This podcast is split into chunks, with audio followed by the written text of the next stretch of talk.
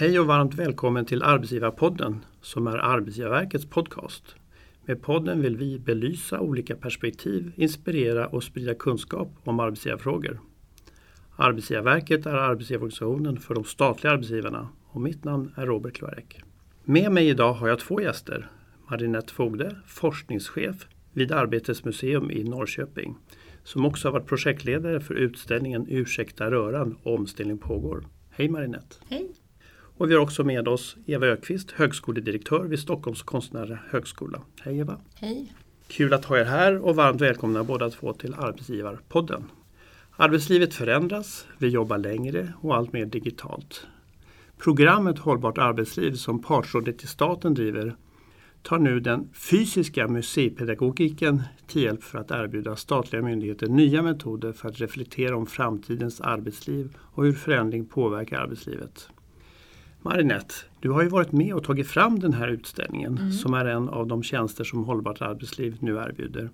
Berätta lite mer om den och vad den består av mm. och bakgrunden. Vi ville jobba med omställningsfrågor på museet. Vi jobbar med arbetslivsfrågor och vill jobba med omställningsfrågor. Ofta när man pratar om anställningsbarhet till exempel, då har man ju väldigt mycket fokus på individen. Eh, när vi pratar omställningsbarhet, då ser vi ju snarare att det är ett delat ansvar både individ, organisation och samhälle. Så de delarna är ju väldigt viktiga. Eh, sen är det ju också det här med trygghet i förändring. Eh, vi vet ju att eh, arbetslivet förändras och utmaningen för oss, det var ju också, ingången till det här var ju också att hur skapar vi trygga arbetsplatser när allting också förändras?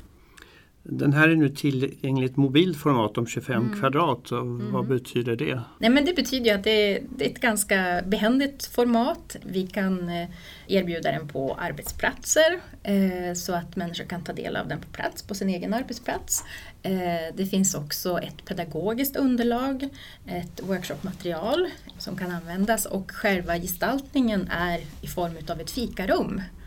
Så det är lite grann så vår producent Mia Sass tänkte också att hon har använt igenkänning när hon har utformat och fikarummet är ju någonting som de allra flesta känner igen då. Så där kan man helt enkelt sitta i utställningen och eh, prata vidare så. Varför tycker du att statliga myndigheter ska använda den? Nej, men jag tänker så här att det vi kan erbjuda det är ju att vi kan prata om svåra frågor, komplexa frågor på, på lite roliga och oväntade sätt. Det är det som gestaltning kan göra. En annan del är ju, är ju det här med liksom forskningskommunikation, rön kring eh, hälsa till exempel, organisation, ledarskap, alla de här frågorna. Det, det kan ju vi gestalta på sätt som, som gör att det kan väcka tankar, funderingar eh, och sen också att när man använder bilder, ljud, eh, interaktivitet gör ju också att, att man får igång en process. Så, det väcker tankar och känslor och så. Mm. Så att det är det vi, vi hoppas också kunna... Ja, vi, vi ger ju liksom inte alla svaren utan vi, vi får igång en tankeprocess. Så. Mm. Vad säger du Eva, varför tycker du att statliga myndigheter ska Jo, jag sitter och tänker på att den här utställningen tilltalar ju olika lärosätt. Mm.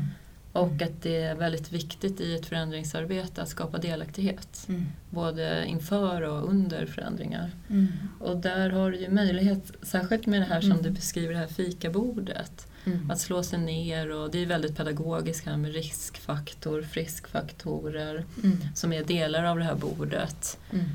Att man kan sätta sig ner och börja planera och titta för det. Vad har du för farhågor inför den här förändringen? Och så kan man mm. liksom åskådliggöra mm. dem rent visuellt. Mm. Det är en av lärdomarna som vi har dragit i stora förändringsarbete när vi mm. då bildade Stockholms konstnärliga högskola som är ett mm. samgående mellan tre konstnärliga högskolor. Mm. Att det tar tid att förbereda just de här äh, humanfaktorerna. Och där ser jag att den här utställningen blir, som du sa, ett roligt sätt mm. Mm. att prata om det här och mm. visualisera och gå runt. och Också den här andra delen av utställningen med historia, hur samhället har förändrats, särskilt med fokus mm. på arbetsliv. Jag tror att det kan skapa en, en långsammare förändringsmedvetenhet där man börjar på ett roligt sätt mm. och sen har man delaktighet. Nu beskriver du en, en viss dramatisk situation som inte är ovanlig i och för sig. Så att säga. Men annars kan man säga att arbetstempot blir högre och kraven blir fler. Arbetsmarknaden förändras, vissa yrken omvandlas och nya yrken växer fram. Det är ju en del av digitaliseringen som gör att arbetslivet påverkas och det kan ju vara påverkan som är positiv. Det finns tråkiga yrken som försvinner men, men. det påverkar oss på sånt sätt att vi kan kanske jobba på andra ställen.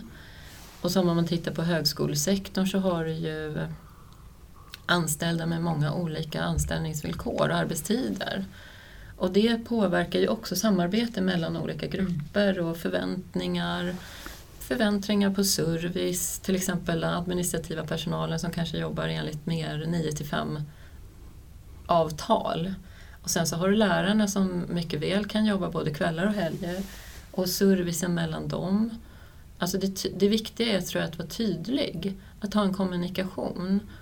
Eh, när förväntar man sig att olika anställda är på jobbet? Oavsett om på jobbet innebär fysiskt på kontoret eller mm. Mm. i eh, lärosalarna så kan det ju också vara så att när förväntar jag mig att jag kan vara hemma och jobba om jag lika gärna kan ge service ifrån mitt hem? Mm. Om jag jobbar med sådana saker som kanske bokföring, inrapportering av studenters poäng eller schemaläggning. Då kanske jag kan sitta hemifrån och till och med göra ett bättre jobb. Hur hanterar ni de här förändringarna? Alltså vi, har, vi har börjat diskutera väldigt mycket att vi behöver tydliggöra just det här med e-post, policy. När och till vem kan man skicka e-post till exempel efter kontorsarbetstid? Hur eh, förväntar man sig att människor svarar på det? Ska man vara så artig att man ställer in att ingen e-post skickas förrän klockan nio på morgonen? Även om man sitter hemma och skriver den på kvällen. Sen har vi gjort mer informella överenskommelser. Att vi till exempel säger att i chefsgruppen så är det okej okay att skicka e-post. Även om det är ja, söndag kväll eller vad det kan vara. Mm. Men däremot så har till exempel jag sagt till både min nuvarande chef och till mina underchefer vill ni att jag reagerar på e-post som ni skickar på, på helgen så är det bra om ni skickar ett sms och säger har du möjlighet så är det bra mm. om du tittar på den här och ger respons så fort du kan eller under helgen om du kan. Mm. Därför att man kan inte sitta och bevaka det där på något sätt. Då blir det ju en stressnivå. Man att utställningen är uppdelad i olika mm. rum. Vi har historierummet, vi har fikarummet, och labbet och några till rum. Kan du berätta lite mer om tanken med de här olika delarna och rummen? Utgångspunkten är ju fikarummet då. Och där har vi då haft en, en större utställning på 250 kvadrat sedan tidigare där vi då hade olika rum, eh, olika gestaltningar och olika rum. Eh, men den här lilla utställningen, där, där tar vi in texter och rekvisita även från, från de andra rummen. Och labbet till exempel som fokuserar mycket på innovationer. Eh, vi har lärarrummet som fokuserar mycket på kompetens, kompetensfrågor. Eh, fikarummet belyser ju det här med arbetsmiljö, organisationsnivån, där med friskfaktorer och riskfaktorer. Vad gör, vad, gör det att, vad är det för något som gör att vi trivs på jobbet? Vad är det för något som gör att vi inte trivs? Eh, det handlar väldigt mycket om arbetsmiljö. Sen har vi samhällsapparaten, alla, alla system, allting som skapar trygghet, mer samhällets alla institutioner, det, den delen eh, diskuterar vi också. Men sen är ju en väldigt viktig del, det är ju den här historiska kontextualiseringen, det här med att visa också på att arbetslivet har förändrats tidigare, som du var inne på. Att det här är ingenting nytt. Förändring, omställningar har skett och det sker och det kommer att ske.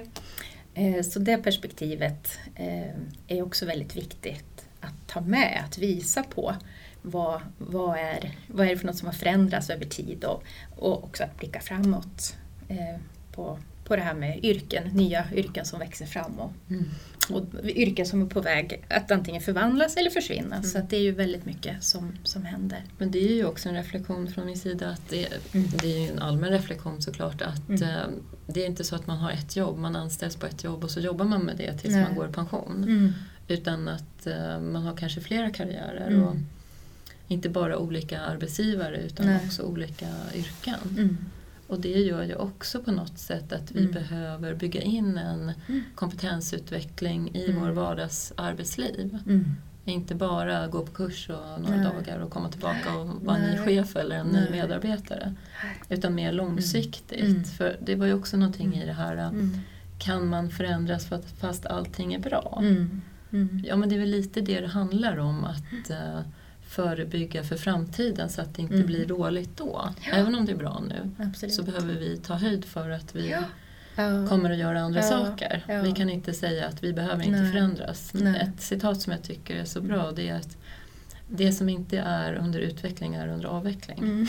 Då är det ganska lätt att välja vilken sida Ja. man vill vara på. Ingenting är stilla. Nej. Nej. Det här med reflektion och, och Mm. fikarummet. Fikarummet är ju en väldigt svensk företeelse. Ja, ja. Mm. Hur, ser ni på det? På det? Mm. Tid för reflektion på arbetsplatsen och, och nätverkande som det Ja. heter. När vi tidigare hade utställningen på, på museet då var, ju, då var ju också en reflektion från det för, för vår egen del var ju det att det är inte alla som har fikarum längre. Eh, På tal om det flexibla arbetslivet och vart utforma sitt jobb. Så att det var någonting som faktiskt dök upp i, i de workshoppar som vi hade. Att vissa sa att vi saknar det här, vi har inte längre ett fikarum. Det Så gemensamma är- eller Nej, enhetsvis? det gemensamma skulle jag säga. Mm. Att det, men det, det var någonting som vi, vi tänkte att fikarummet kan alla relatera till. Men, men det är också någonting som visar på arbetslivets förändring. Att eh, Mm. ja, det är nog inte så självklart längre. Även om det finns. Det är nog eh, Har ni gemensamt Vi fika? har gemens- gemensamt fikarum. Nu har vi, vi sitter i sex olika lokaler och det är ju en historisk eh, kvarleva så att säga. Mm.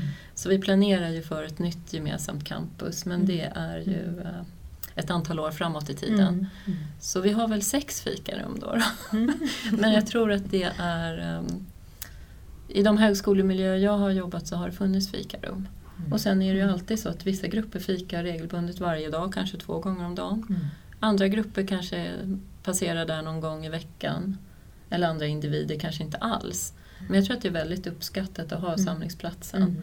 Och det är inte bara att man eh, kommer på morgonen och tar en kopp kaffe utan det kan ju också vara man eh, firar någon som fyller år eller andra saker. Att man har någonstans att samlas. Så vi har både fikarum som är specifika för personal och sen fikarum som Mm. är uppehållsrum eller lunchrum som Mm. är för studenter. Då. Mm. Så det finns en hel del fikarum Mm. fortfarande, det tror jag är bra. Eva, du har ju besökt utställningen. Vilka är dina reflektioner? Hur, hur kan ni använda den eller hur kommer ni använda den? Eh, Det var ju då i, eh, i Visby på Almedalsveckan i somras som jag såg utställningen. Jag har tagit till mig av den upplevelsen och tycker Mm. den var positiv. Mm. Vi har, jag har inte planerat hur vi ska använda den men däremot så har jag pratat med vår HR-chef om det också. Temat är ju förändring i arbetslivet Mm. över tiden. Hur, Mm. hur hanterar vi förändring i dagens arbetsliv? Nej, men jag tänker ju att omställningar och förändringar kan ju vara på olika nivåer såklart. Mm. Eh, sen tror jag som du var inne på också att om man har, om man har jobbat väldigt mycket med det förebyggande arbetsmiljöarbetet, att man eh, tänker på hur man kommunicerar och hur Mm. man förankrar Mm. och skapar delaktighet så tror jag också att det, då har man liksom mycket, mycket redan på köpet Mm. vid både stora och små förändringar.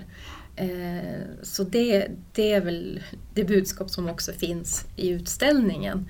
Att hur kan vi skapa både och trygga och omställningsbara arbetsplatser. Och där, där måste vi jobba både med, med de här mjuka frågorna och kommunikation och hur mår vi på arbetsplatsen men också att vi, att vi ser vi, vi måste ju förändras. Eh, jag menar, omvärlden förändras, organisationer förändras och, och, eh, och det är ju viktigt att, att, eh, ja, att göra det men, men samtidigt så, så tänker jag också att, att se, se det här i ett sammanhang av, av tidigare förändringar. Men sen, sen tror jag ju också det att förändringar behöver ju inte alltid vara positiva eller bra eller så heller. Så det, ja, det kan vara Ja, men, men, men förändras är ju en naturlig, naturlig process.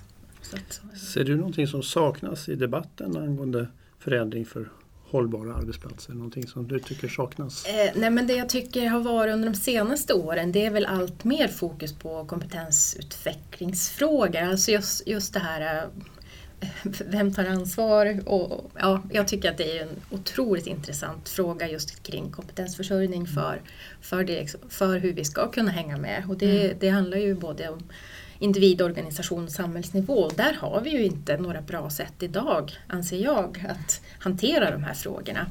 Jag tänker det är också utbildningssystemen, hur, hur kan vi anpassa det? Man är ute i arbetslivet, då kan man inte heller gå tillbaka. Var, var, finns det kopplingarna mellan utbildning och arbetsliv för den här kompetensutvecklingen som vi måste ha för att hänga med? Så det tycker jag är en sån här jätterelevant fråga och som vi inte riktigt har svar. Vi har inte riktigt bra former för det heller. Nej. Och det var ju uppe för några år sedan det här med individuella kompetens. För 20 år sedan. Jag skrev direktiven. Mm. Mm. Okej, okay, för 20 år sedan. Det säger ingenting om oss, eller hur? I alla fall eh, den tanken att det inte mm. bara är organisationen och mm. företaget som ska bekosta mm. kompetensutveckling, den är ju också intressant. Hur gör man för att faktiskt också kunna kompetensutveckla sig från ett yrke till ett annat? Mm. Mm. Och hur finansierar man det? För mm. det är inte lätt för en individ att Nej. kanske ens eh, ta studielån och börja plugga Nej. på högskolan om man har kommit upp i en viss lön och har en familj att försörja. Så, mm. så att där mm. är det något glapp, precis mm. som du säger. Ja. Så ja. Någonting är det som kanske någon, eh, vi har ju omställningsmedel som vi avsätter inom staten.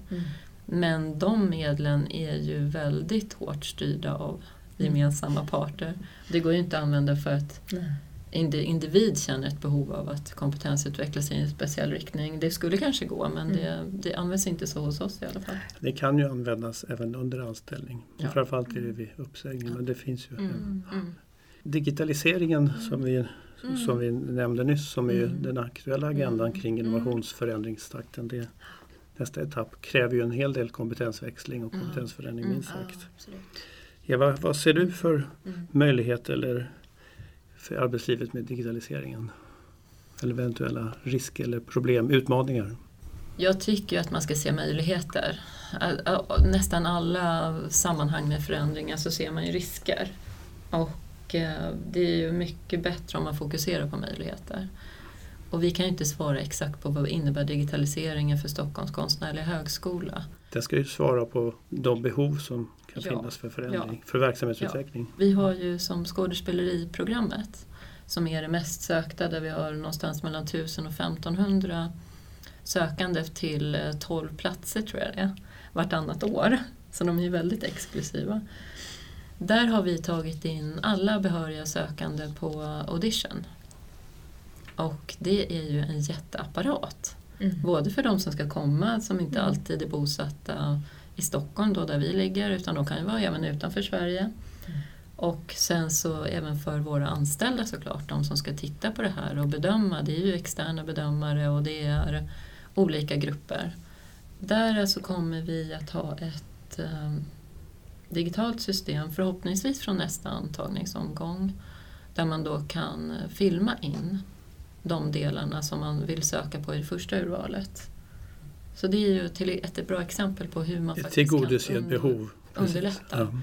ja, och istället så kanske lägga de pengarna på undervisning till exempel. Så, så det, det är en förändring som är positiv. Ser du något perspektiv bakåt i tiden med arbetsgivning om man tänker på utställningen? Något? När jag började, började jobba så var det inte internet. Internet fanns ju inte. Nej, men det är en jättestor mm, förändring. Mm, men det ställer ju också ökade krav på vad är kvalitet. Jag tänker på våra studenter, kanske inte precis på Stockholms konstnärliga högskola, du vet inte vad det är, jag menar generellt. En C-uppsats mm. med alla källor och allt material som man bearbetar inför. Eh, det fanns ju inte alls tillgängligt på samma sätt som nu så det medför ju såklart mycket mer bakgrundsinformation och eh, fakta som man har innan man ens börjar sina egna projekt eller sina egna studier. Det är den största förändring som jag kan komma på i, i tillgången på information och sätt att kommunicera mm. över hela världen. Hur får ni individerna att, att hänga med i organisationen i den här förändringen? Att ta till sig så att man får en förändring som verkligen löser de utmaningar och behov som Vet finns. Du, jag tror att många gånger är det våra studenter som driver utvecklingen av våra anställda och lärare. Den, den var bra. Den var bra just det. Ja, det tror jag. Det är det som är så roligt att jobba på en högskola. Att det är liksom en positiv framåtriktande miljö med individer som har sökt sig dit för att de vill komma framåt och vill utvecklas. Så det hjälper ju såklart oss att utvecklas. Vi har ju pratat om att det är viktigt att tänka nytt vid förändring och varför myndigheter ska jobba med hållbarhetsfrågor och hållbarhetsförändring. Men, men hur ska man göra det på, på nya sätt? Eva, vad säger du? Har du några exempel på ert förändringsarbete på vilket sätt ni tänker nytt? Hur är ni innovativa? Det som jag tänker att vi lär oss hela tiden det är att skapa delaktighet och sätta ihop projektgrupper som består av olika kompetenser. Det tror jag är viktigt. Just ja, och mm. just det här med breddad rekrytering är ju någonting, inte bara vad det gäller studenter utan också vad det gäller anställda. Att försöka sätta ihop grupper som har kompetenser och olika perspektiv. Det är väl det som jag skulle säga det som jag jobbar mest medvetet för att försöka förändra både personalstyrkan och vår studentpopulation. För det har ju varit väldigt traditionsbunden antagning i de konstnärliga utbildningarna. Mm. Och där har vi startat till exempel en form av basprogram för att um, individer som inte normalt söker till en konstnärlig högskola som ligger på Östermalm i Stockholm kommer i kontakt med det här. Och det har till exempel varit Filmbasen som har legat i Alby där eh, man har kunnat söka kurser, baskurser för att komma i kontakt med vad gör man egentligen på Stockholms konstnärliga högskola och vad kan en filmutbildning innehålla och är det någonting för mig?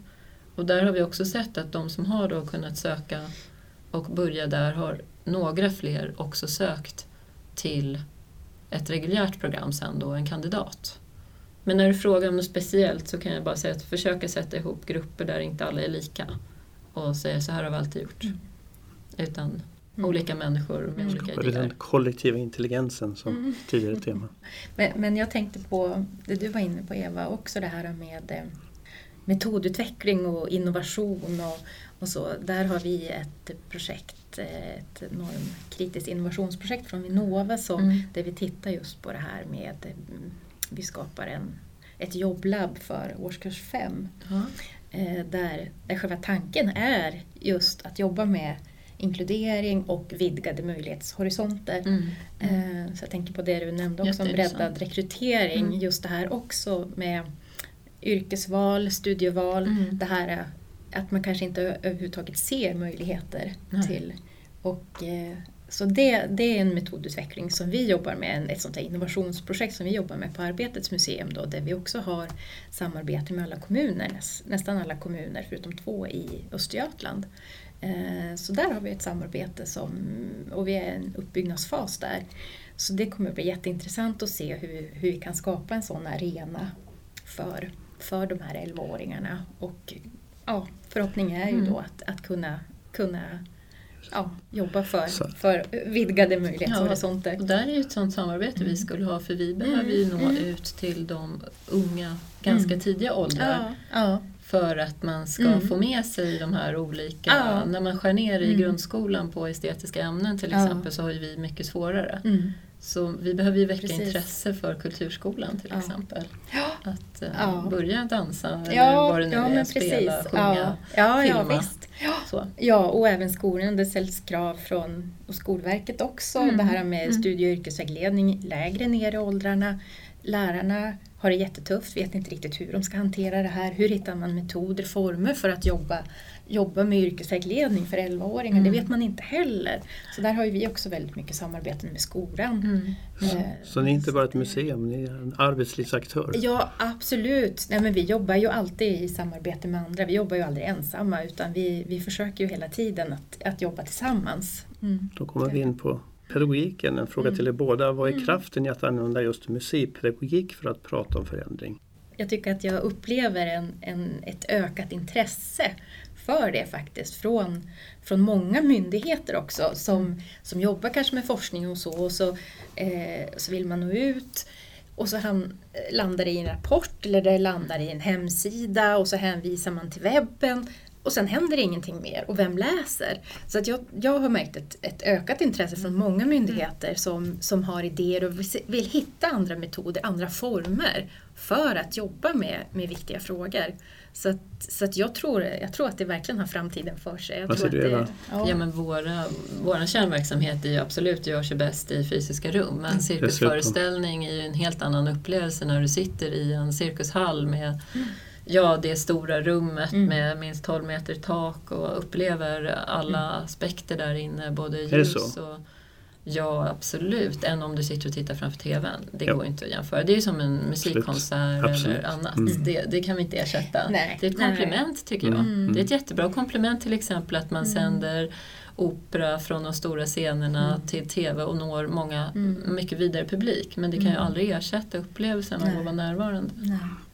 Nej, och när man tilltalar känslan också, Ja, det som ja, händer i kroppen, precis. det har ju ett Ja. visst värde som, ja, som man inte Ja, och sen är det ju en delad glädje också på något sätt. Ja. Man är ju inte ensam i publiken. Nej. Om ni ska vara lite visionära då, då, hur ska vi lyckas tänka nytt om förändringen? Vad är det som står på spel? Vad är nästa kapitel här? Att vi inte ska vara rädda. Det tror jag, det är det här med Mm. tillåtande atmosfären och inte vara rädda. Många gånger kan man lägga så mycket energi på oro. Att om man kan istället få skapa den här delaktigheten Mm. så att man kan Mm. fokusera på att istället röra sig framåt mot Mm. något positivt tillsammans Mm. så tror jag det skulle underlätta väldigt mycket. Men där tror jag också att alla som leder förändringar och som initierar förändringar behöver bli duktigare på förändringsledning. Mm. Och eh, det gäller även mig själv självklart. Bara den här förändringskurvan till exempel. Att förstå att du behöver informera så många gånger. Alla börjar inte på samma ställe. Mm. Man hör inte samma information och man tar inte till sig. Och dessutom tänker en del av gruppen som är involverad att Nej, men det här har ingenting med mig att göra. Jag behöver inte lyssna så fortsätter jag att tänka på något annat. Och sen går det vidare i förändringskurvan och samma individ tänker varför är det ingen som har talat om det här för mig? Delaktighet från början. Ja, Mm. att gång på gång upprepa, kommunicera både på olika sätt, muntligt, ha samtal, Mm. dialoger, skriftligt, samla saker på webb, förändringssidor. Förbereda både de som ska leda förändringen på ett tydligt sätt och även cheferna som är inte ansvariga för förändringen men som sen ska liksom leda vidare sina personalgrupper. Det tror jag är jätteviktigt. Om man ska undvika oron och rädsla så måste man göra ett stort förarbete. Mm. Även på mindre förändringar. Mm. Det är stort för många människor att byta kontorsrum alltså. Mm. Så att man kan inte tycka Mm. att ja, ja, det är ingenting som vi behöver prata om för det ingår Mm. hela tiden. Vad ser du? Ser du någon sorts kulturförändring? Hur ska den se ut? Nej, men jag tänker också att, att, att vid, vid sådana här ja, förändringar eller så, så kan det också finnas trender. Jag tänker aktivitetsbaserade kontor eller Mm. så. Och där, Mm. där är det också jätteviktigt. Man tänker det forskningen har kommit fram till att det, det kanske inte passar alla. Eller att man tittar också på arbetsuppgifter, man tittar på verksamheten, man tittar på organisationen. Eh, så även där tänker jag att det är väldigt viktigt att ta del av den forskning som faktiskt finns. Mm, Eh, och absolut. att jag tänker också Mm. ett sådant förankringsarbete att man, att man att man, eh, man leder en förändring så att den inte skapar ohälsa. Ja. Tänker jag. Ja. Att man redan där skapar en delaktighet och utformar det utifrån verksamhetens behov än att bara ta in ett koncept. Mm. Mm. S- eh, Så, så den, den delen tror jag är väldigt, väldigt viktigt. Börja med behoven. Och, Börja med behoven och lyssna på den här praktiska vardagsverkligheten tror jag också är jätte, jätteviktig. Mm. Ja men det är ju det här gedigna Ja. förarbetet Ja, absolut. för att det ska bli bra. Ja, det är jätteviktigt. det börjar bli dags att avrunda. Vi har idag pratat om förändring och hur statliga myndigheter med stöd av Hållbart arbetslivs utställning Ursäkta röran, omställning pågår kan hitta nya metoder och verktyg för att reflektera om framtidens arbetsliv och hur förändring påverkar arbetslivet. Stort tack till er båda för att ni ville vara med och dela med er av er kunskap, era tankar och erfarenheter. I höst har Partsrådet program Hållbart arbetsliv med sin utställning Ursäkta röran, omställning pågår på turné till Göteborg, Borlänge, Sundsvall och sen Stockholm med anhalterna på den här sidan årsskiftet. Vill du som lyssnar veta mer om hur statliga arbetsgivare och lokala fack partsgemensamt kan beställa tjänster så hittar du mer information på partsradet.se. Men innan jag släpper iväg er skulle jag vilja ställa en sista fråga till er båda. En sak du vill att vi tar med oss, det kan vara något ni redan har sagt eller vill förstärka ytterligare eller något nytt. Marinette, ska vi börja med dig? Nej, men jag tror att vi, förändring om vi pratar organisationsnivå så, så, så vill jag understryka just det här att se till, att se till behoven, att se till eh, den praktiska vardagsverkligheten. Eh, och sen det här med delaktighet såklart är ju jätteviktigt och att det är jätteviktigt att ha en trygg grund att stå på när man ska genomföra ett förändringsarbete. Då har man mycket vunnet bara av det. Så det, det tycker jag, det är väl det jag vill skicka med. Och Eva, vad säger du? Nej, men jag säger att vi ju bättre vi blir på att ta tillvara olikheter desto mer gemensam kompetens kommer vi att ha i vårt förändringsarbete. Det är viktigt. Alla Tack. ska med. Alla ska med. Bra, tack ska ni ha. Och tack till dig som lyssnat. Om du har några frågor eller förslag på ämnen som du vill att vi ska prata om i podden, hör gärna av dig till oss på webb. Mitt namn är Robert Kvarek. Vi hörs snart igen. Hej då! Hej då!